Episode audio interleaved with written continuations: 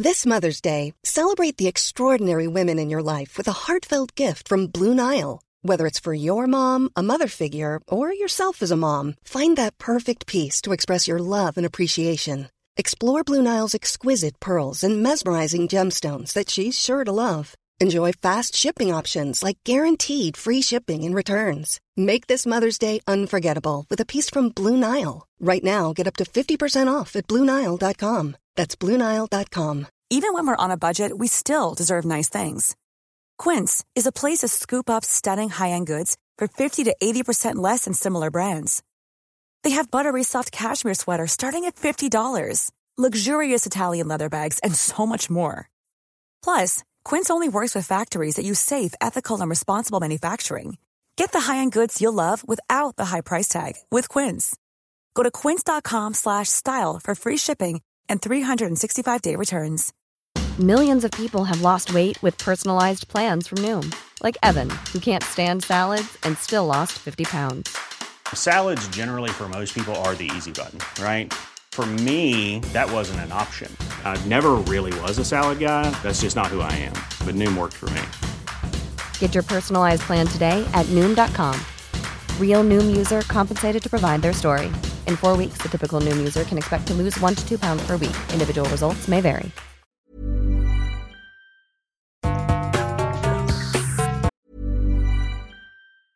When you're ready to pop the question, the last thing you want to do is second guess the ring. At Bluenile.com, you can design a one of a kind ring with the ease and convenience of shopping online. Choose your diamond and setting. When you find the one, you'll get it delivered right to your door. Go to Bluenile.com and use promo code LISTEN to get $50 off your purchase of $500 or more. That's code LISTEN at Bluenile.com for $50 off your purchase. Bluenile.com code LISTEN. There's never been a faster or easier way to start your weight loss journey than with PlushCare. PlushCare accepts most insurance plans and gives you online access to board-certified physicians who can prescribe FDA-approved weight loss medications like Wigovi and Zepbound for those who qualify. Take charge of your health and speak with a board-certified physician about a weight loss plan that's right for you. Get started today at plushcare.com slash weight loss. That's plushcare.com slash weight loss. plushcare.com slash weight loss. Hey, it's Paige DeSorbo from Giggly Squad.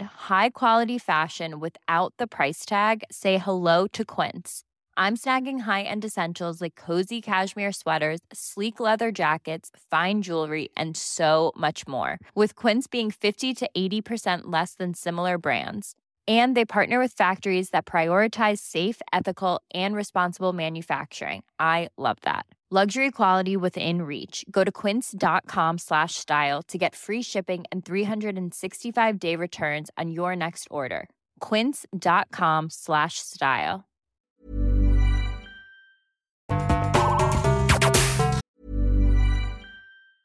Hey, it's Paige DeSorbo from Giggly Squad. High quality fashion without the price tag. Say hello to Quince. I'm snagging high-end essentials like cozy cashmere sweaters, sleek leather jackets, fine jewelry, and so much more. With Quince being 50 to 80% less than similar brands.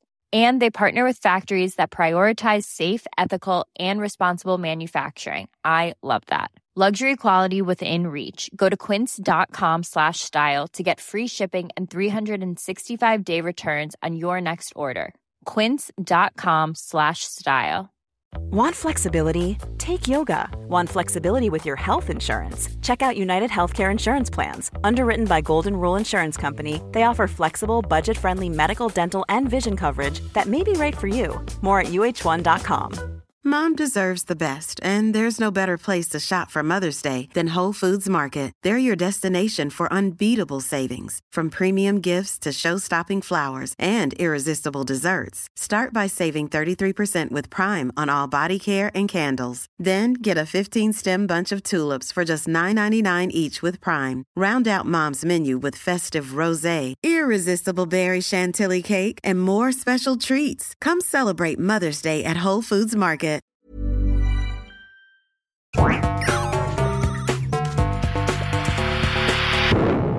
Velkommen til Sinnsyn.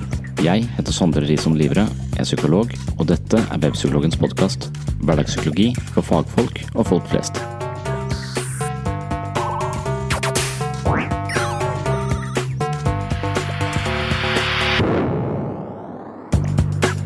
Ansatte som ikke involveres i bedriftens avgjørelser, føler seg ofte oversett det kan føre til lav arbeidsmoral, lite motivasjon og usikkerhet, hvorpå arbeidstakerne raskt rammes av stress, angst og utbrenthet. I denne episoden snakker jeg med en organisasjonspsykolog som i løpet av dagen diagnostiserer meg som en kritisk, gretten og vanskelig arbeidstaker. Jeg har angivelig store problemer med endringer og fungerer som en slags eh, stein i skoa til mine ledere ved Sørlandet sykehus. I denne episoden ble jeg pasienten, og den organisasjonspsykologiske terapeuten er Tor Åge Eikrapen. Dette er andre del av fagdagen som jeg arrangerte ved min egen arbeidsplass, altså Distriktspsykiatrisk senter Solvang ved Sørlandet sykehus, Kristiansand. Før lunsj eh, snakket jeg med filosofiprofessor Ole Martin Moen og psykiater Terje Thesen om psykedeliske stoffer. Etter lunsj hadde jeg invitert en venn og kollega som heter Tor Åge Eikerapen. Han holdt et fantastisk innlegg om endring i bedrifter og hvordan de påvirker personalet. Han er en mye brukt foredragsholder, og det er forståelig. Han er en energibunt med evnen til å formidle psykologi på en underholdende, humoristisk og faglig solid måte. Han driver også en podkast som heter Lederpodden, hvor han intervjuer fremtredende ledere. Jeg var ikke klar over at han kom til å kjøre meg fast på min egen eh, motvilje mot endring på egen arbeidsplass, men det var på en eh, fin, forholdsvis eh, vennskapelig og morsom måte. Jeg kan ikke spille av foredraget til Tor Åge, da det tilhører ham og hans firma som heter Eikrapen og Skagestad. Jeg har imidlertid fått lov til å spille av den samtalen vi hadde etter foredraget. Her snakket jeg med Tor Åge og en kollega som heter Fredrik Mikkelsen. Fredrik er psykologspesialist og psykoanalytiker, eller psykodynamiker, på sin hals. Både han og jeg er nok over middels misfornøyde med det skjemaveldet som regjerer på poliklinikken i psykisk helsevern, i andrelinjetjenesten. Ofte føler vi at nye prosedyrer og pålegg blir tredd ned over hodet på oss og hindrer det arbeidet vi er satt til å gjøre. Min opplevelse er at jeg stadig får flere prosedyrer å følge, og at de som kontinuerlig lager nye prosedyrer, forsøker å programmere meg på samme måte som man programmerer en robot. Men jeg er ingen robot, og jeg blir fornærma når systemet behandler meg som en. Tidvis må jeg være med i ledermøter på jobb, og jeg får litt høy puls av den typen møter, som regel fordi jeg blir ganske provosert. Min opplevelse av ledelsen ved Klinikk for psykisk helse, ledelsen ved sykehuset og videre opp til Bent Høie er at disse folka utgjør et konglomerat av byråkrater og regelryttere som sammen har skapt et helt system som rett og slett lider av OCD. OCD, eller tvangslidelse, er jo en psykisk sykdom, og jeg mener at systemet jeg jobber for, kvalifiserer for denne diagnosen, noe som selvfølgelig går utover meg og mine kollegaer. Spesielt er det stadig mer omseggripende tvangshandlinger som preger systemet. Hver gang det skjer en liten glipp, lager systemet nye prosedyrer som alle skal følge for å unngå at det skal skje noe galt igjen. Mengden prosedyrer og krav øker for hver dag, og systemet vil at alt skal bli så effektivt som mulig, og de tror at det målet oppnås ved å detaljstyre arbeidstakerne. Det som i realiteten skjer, er at vi som jobber klinisk ikke har tid til å bli kjent med de menneskene vi skal møte fordi vi er pålagt å stille hundrevis av spørsmål, fylle ut skjemaer, dokumentere at vi har stilt de rette spørsmålene, og deretter lage behandlingsplaner, sørge for å informere samarbeidspartnere, utnevne en koordinator som skal påse at alle prosedyrene opprettholdes, fullføres og dokumenteres etter standard som står i EKWeb. Systemet er livredd for feil, og enhver hendelse som ikke er etter boka, må elimineres med kontroll og enda flere prosedyrer og pålegg. Dette ligner beskrivelsen av tvangshandlinger slik det beskrives på Ananke sine hjemmesider. Der står det Tvangshandlinger er noe man gjør for å dempe ubehaget ved tvangstankene eller for å sikre at de negative hendelsene disse omhandler ikke inntreffer. De vanligste tvangshandlingene er overdreven vasking eller sjekking. Andre har tvangshandlinger knyttet til overdreven orden, symmetri eller gjentakelse. Det er også vanlig å gjentatte ganger be om forsikringer eller betryggelser fra andre personer. Når behandlingen er sentrert rundt en betydningsfull relasjon mellom to mennesker, slik den ofte er i psykisk helsevern, vil rigide regimer kvele et godt terapeutisk klima. Jeg kan også innbille meg at systemet lider av ortoreksi, altså riktig vekst, det vil si at man er så opptatt av at alt er korrekt, effektivt og plettfritt at man ikke klarer å kjenne på en eneste spontan følelse for livet. Folk med ortoreksi er så opptatt av at alt skal være perfekt at de mister enhver glede ved livet. Plikt og orden overskygger glede, spontanitet, nysgjerrighet, åpenhet for nye ting og velbehag. Jeg opplever at jeg jobber i et sykt system, og det er litt som å ha syke foreldre.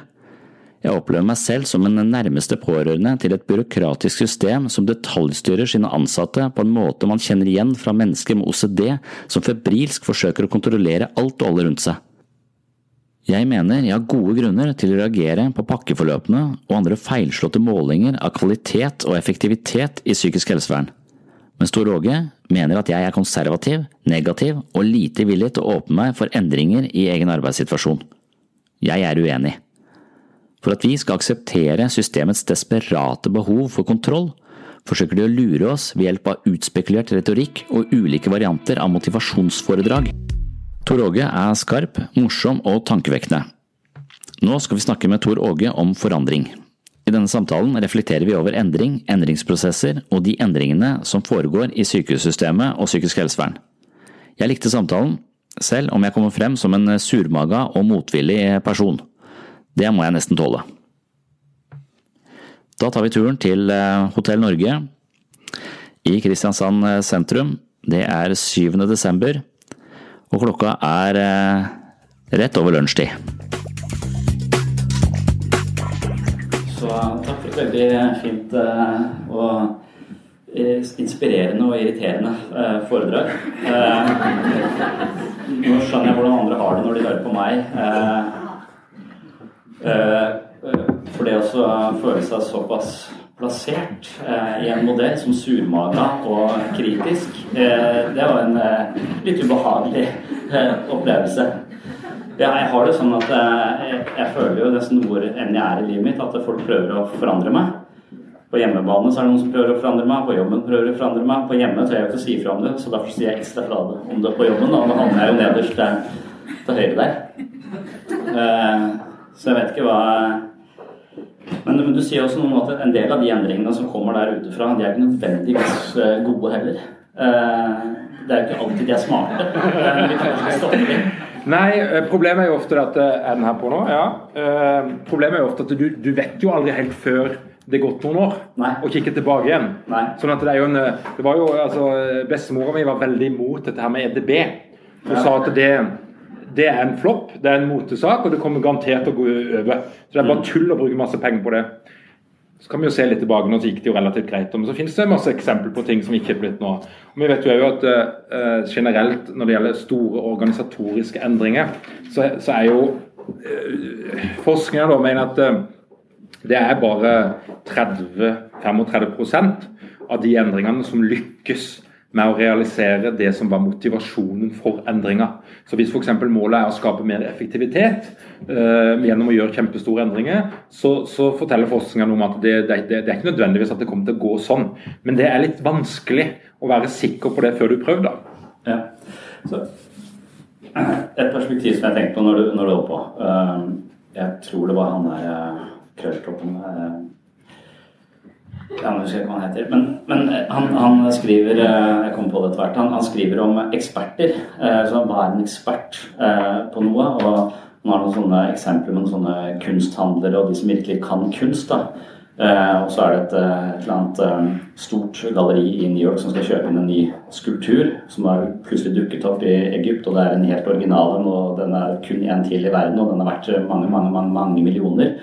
Og så undersøker de med alle de metodene de har for å, for å finne ut er dette en ekte, en ekte skulptur, og så konkluderer de at ja, det er det. Og så, og så, kjøper de den, og så sender de den, og så sender de eksperten inn hjelp på, dette, på denne, denne, typen kunst da, inn, og så, så, kommer han inn i rommet og så ser han skulpturen og spør om har de kjøpt den.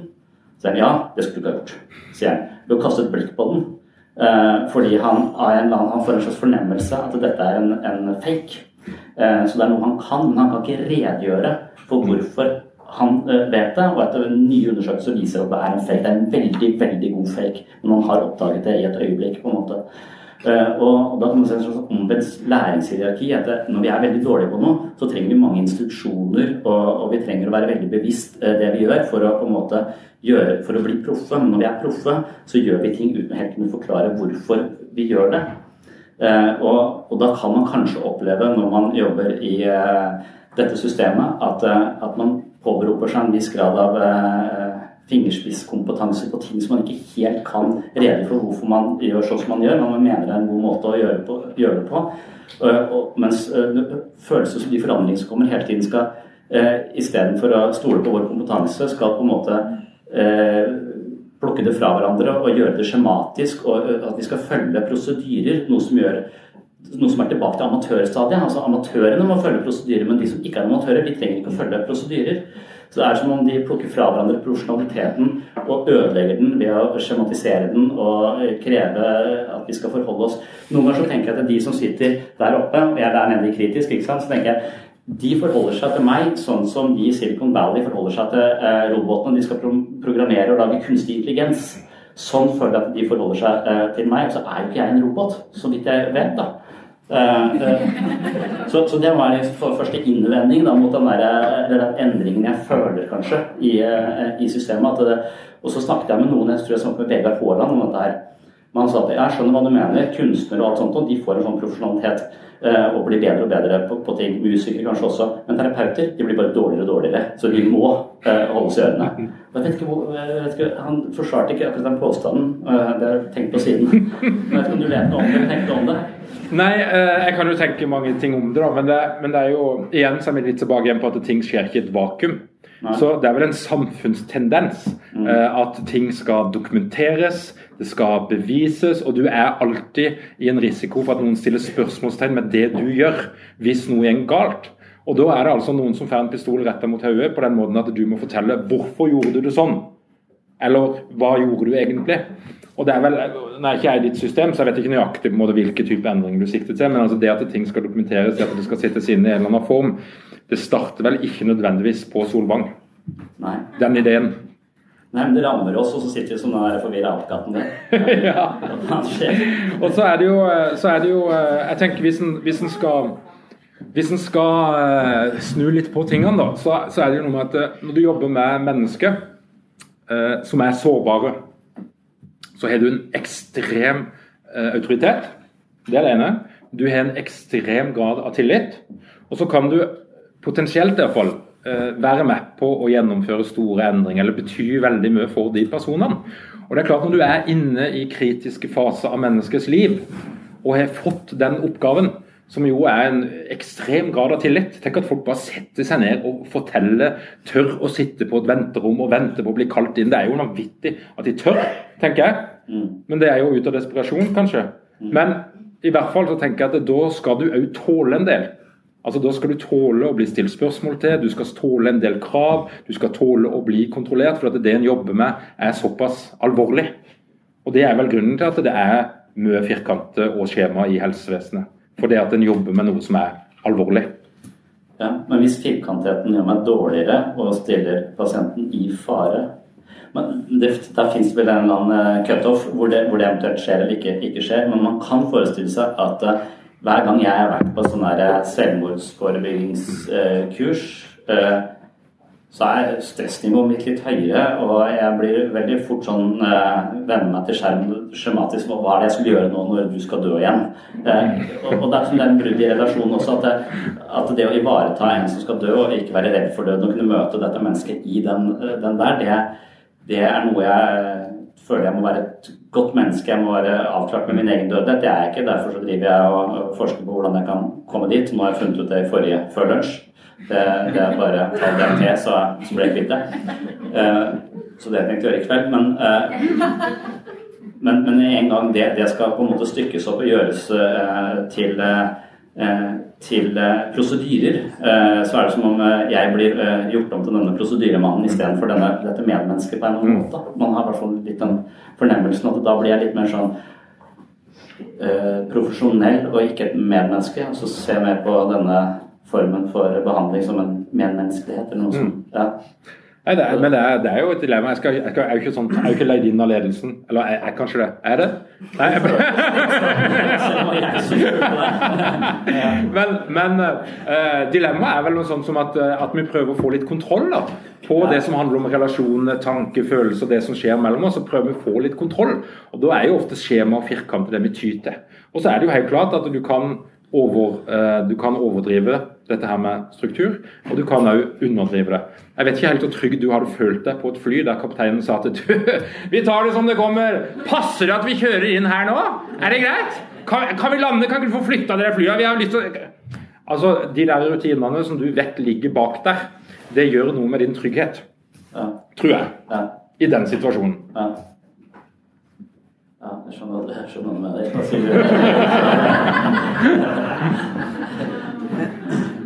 det, er det som eh, En av de tingene som blir veldig spesielt. At, altså, det kommer, kommer føringer om hva, hva vi skal foreta oss, og det er skjemaer etc. Et forsøk på å kvalitetssikre. Men det er ingen som vet om det gir bedre kvalitet, eh, egentlig. Eh, og det kan bli motsatt. Mer frustrerende.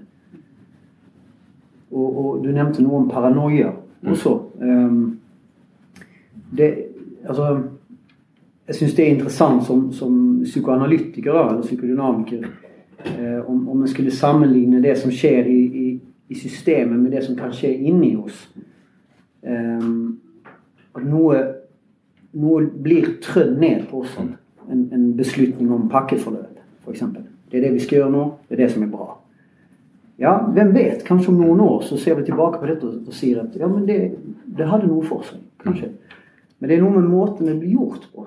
Um, det blir, det blir kan, altså jeg tenker det kan sammenlignes med en sånn superegostruktur. Noe veldig sånn kritisk, dominerende, krevende som, som, som plager mange av de pasient, pasientene som kommer til oss. Altså noe, noe som ikke kan um, eh, snakkes med, egentlig. Det er, bare, det er, bare, noe som slår ned altså, på oss, på, på, på de gode tingene i oss selv. Og da kan vi bli sint. Og når vi blir sint, så blir det andre mer truende. Sant? Eh, da, da, da, blir det lett at vi projiserer. Eh, så fort vi blir sint, så blir det andre truende. Ehm, da, da vi for, blir vi redd for represalier. Og det der, det, det der, har jeg jobba med en del eh, sånn personlig. Eh, for jeg, jeg, tror at jeg, jeg, kan noen ganger bli mer paranoid enn det jeg har behov for. Sant? Og det, at det, det, handler om noe inni meg selv.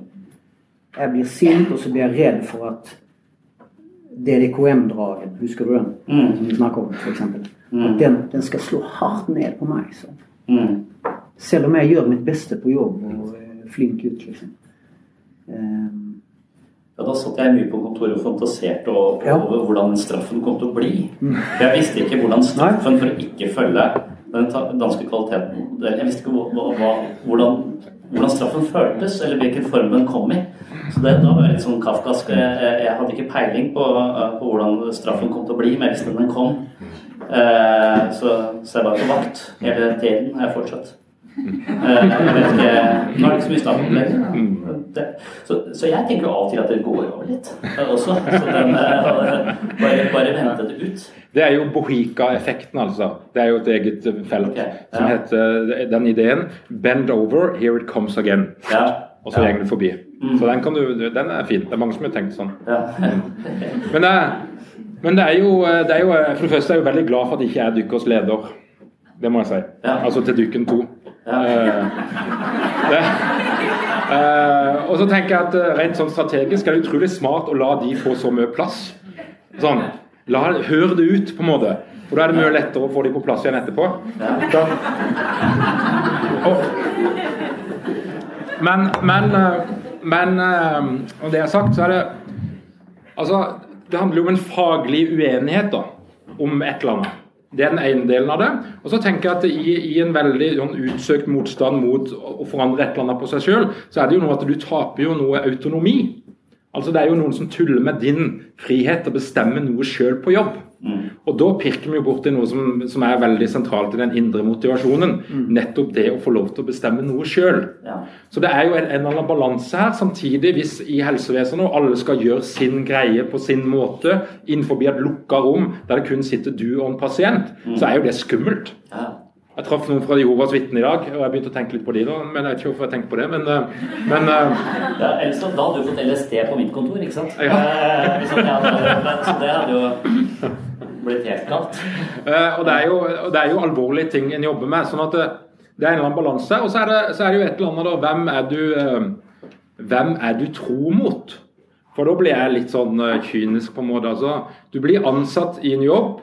De gir deg ganske mye penger for å komme på den jobben hver eneste dag. De gir deg til og med julebord og, og tilgang på informasjon om narkotika. Og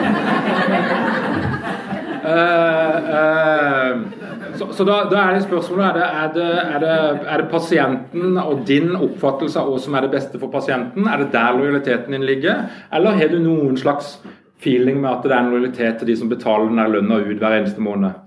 Ja. For å sette det litt sånn på spissen. da. Jeg håper å provosere før eller senere iallfall.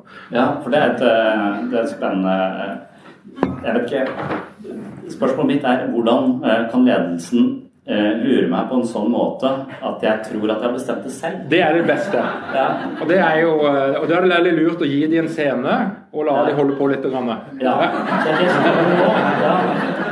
For, for jeg, Det eksempelet brukte jeg i stad også, som en, men jeg husker ikke hvor jeg har det fra. Men, men hvis jeg hadde sagt til deg at eh, du skal springe oljestafetten på eh, under ti minutter, hvis ikke så skyter jeg deg og familien din, eh, så hadde ikke det blitt noen særlig positiv opplevelse for deg sannsynligvis. Du hadde sikkert løpt for sikkerhets skyld, men, eh, men det hadde ikke vært den beste dagen i ditt liv. Men hvis du hadde villet det, hvis du hadde trent deg opp, blitt med på et lag og kommet i mål på under ti minutter, og hele familien din skulle heie på deg, så kunne det vært den beste dagen i livet ditt. Og det er litt den, den typen ting der vi, vi møter hos pasienter også. Noen ganger så føler jeg folk kommer til oss, men de vil jo ikke endre seg egentlig, for det er så skremmende og vanskelig. Eh, så, så ofte så føler jeg at de sitter De kommer til et mentalt treningsstudio, og så sitter de i garderoben og forventer å bli eh, mentalt sterkere, men du må jo faktisk eh, trene. Men så gjelder jo det samme meg, da. At eh, jeg sitter også Jeg vil jo heller ikke endre meg. Eh, så, så jeg sitter jo akkurat den samme, samme båten som de gjør, bare at nå er det noen andre som prøver å endre meg. Jeg vil faen ikke det. Men jeg har ikke bedt om å bli endra. Det har jo ingen som kommer til å gjøre. Eh, så den eneste løsningen er vel at eh, åpenhet for nye erfaringer det, Ole Martin Moen mente at det var en av de personlighetstrekkene som eh, eksploderte under påvirkning av en del psykedeliske stoffer. Da. Så det kan jo være at det er løsningen igjen. Ja, Hvis ikke det er noen policy på sykehuset mot eh, å være ikke. på jobb? Nei, det er det ikke. Nei. Nei. Det, det tror jeg ikke. Men, men det er jo mennesket altså Jeg er opptatt av indre motivasjon. Ja. Og, og hvis du skal skape det, så, så vet en iallfall noe om at selvbestemmelse og opplevelse at det du jobber med, gir mening. Det er veldig sentralt. Mm. Sånn at Hvis du vil drepe motivasjon, så er det jo å skru kontrollstikker til så Ja. langt som bare mulig. Ja. Og på et eller annet tidspunkt der, Hvis du opplever at den kontrollstikka blir skrudd altfor langt, Mm. at det er unødvendig, det er uhensiktsmessig, så, så slutter jo motivasjonen på et eller annet tidspunkt. Så det er jo helt klart at eh, en, en ledelse som, eh, og et system da, som gjerne vil ha behov for struktur og kontroll, de må nok òg ha en, kanskje burde av og til hatt mer av den tankegangen. Hvordan kan vi sikre kontroll på den ene sida og indre motivasjon på den andre gjennom selvbestemmelse? Men det er utfordrende inni et felt der en faktisk av og til jobber med liv og død. Mm. Men er ikke dette også eh, veldig sånn i forhold til jobb og psykisk helse?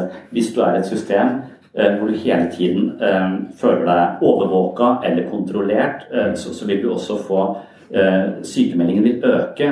Du vil, eller, men, og det er kanskje med utdannelse også. Jo mer utdannelse du har, jo mer frihet får du ofte. Så høyere utdannelse gir deg på en måte bedre arbeidsmessig psykisk helse, for du ofte har mer bestemmelsesrett over din egen hverdag. Så det, det er jo masse studier, jeg, jeg husker en professor snakket om, jeg husker navnet på han, men han sa at om jeg ikke kom på jobben da, så er det ingen som eh, bryr seg eller eh, konfronterer meg med det. Hvis det er en krise hjemme som jeg er nødt til å ta meg av, så går det greit. Og den vissheten om det, det gir meg på en måte den tryggheten jeg trenger for å leve et, et, et liv.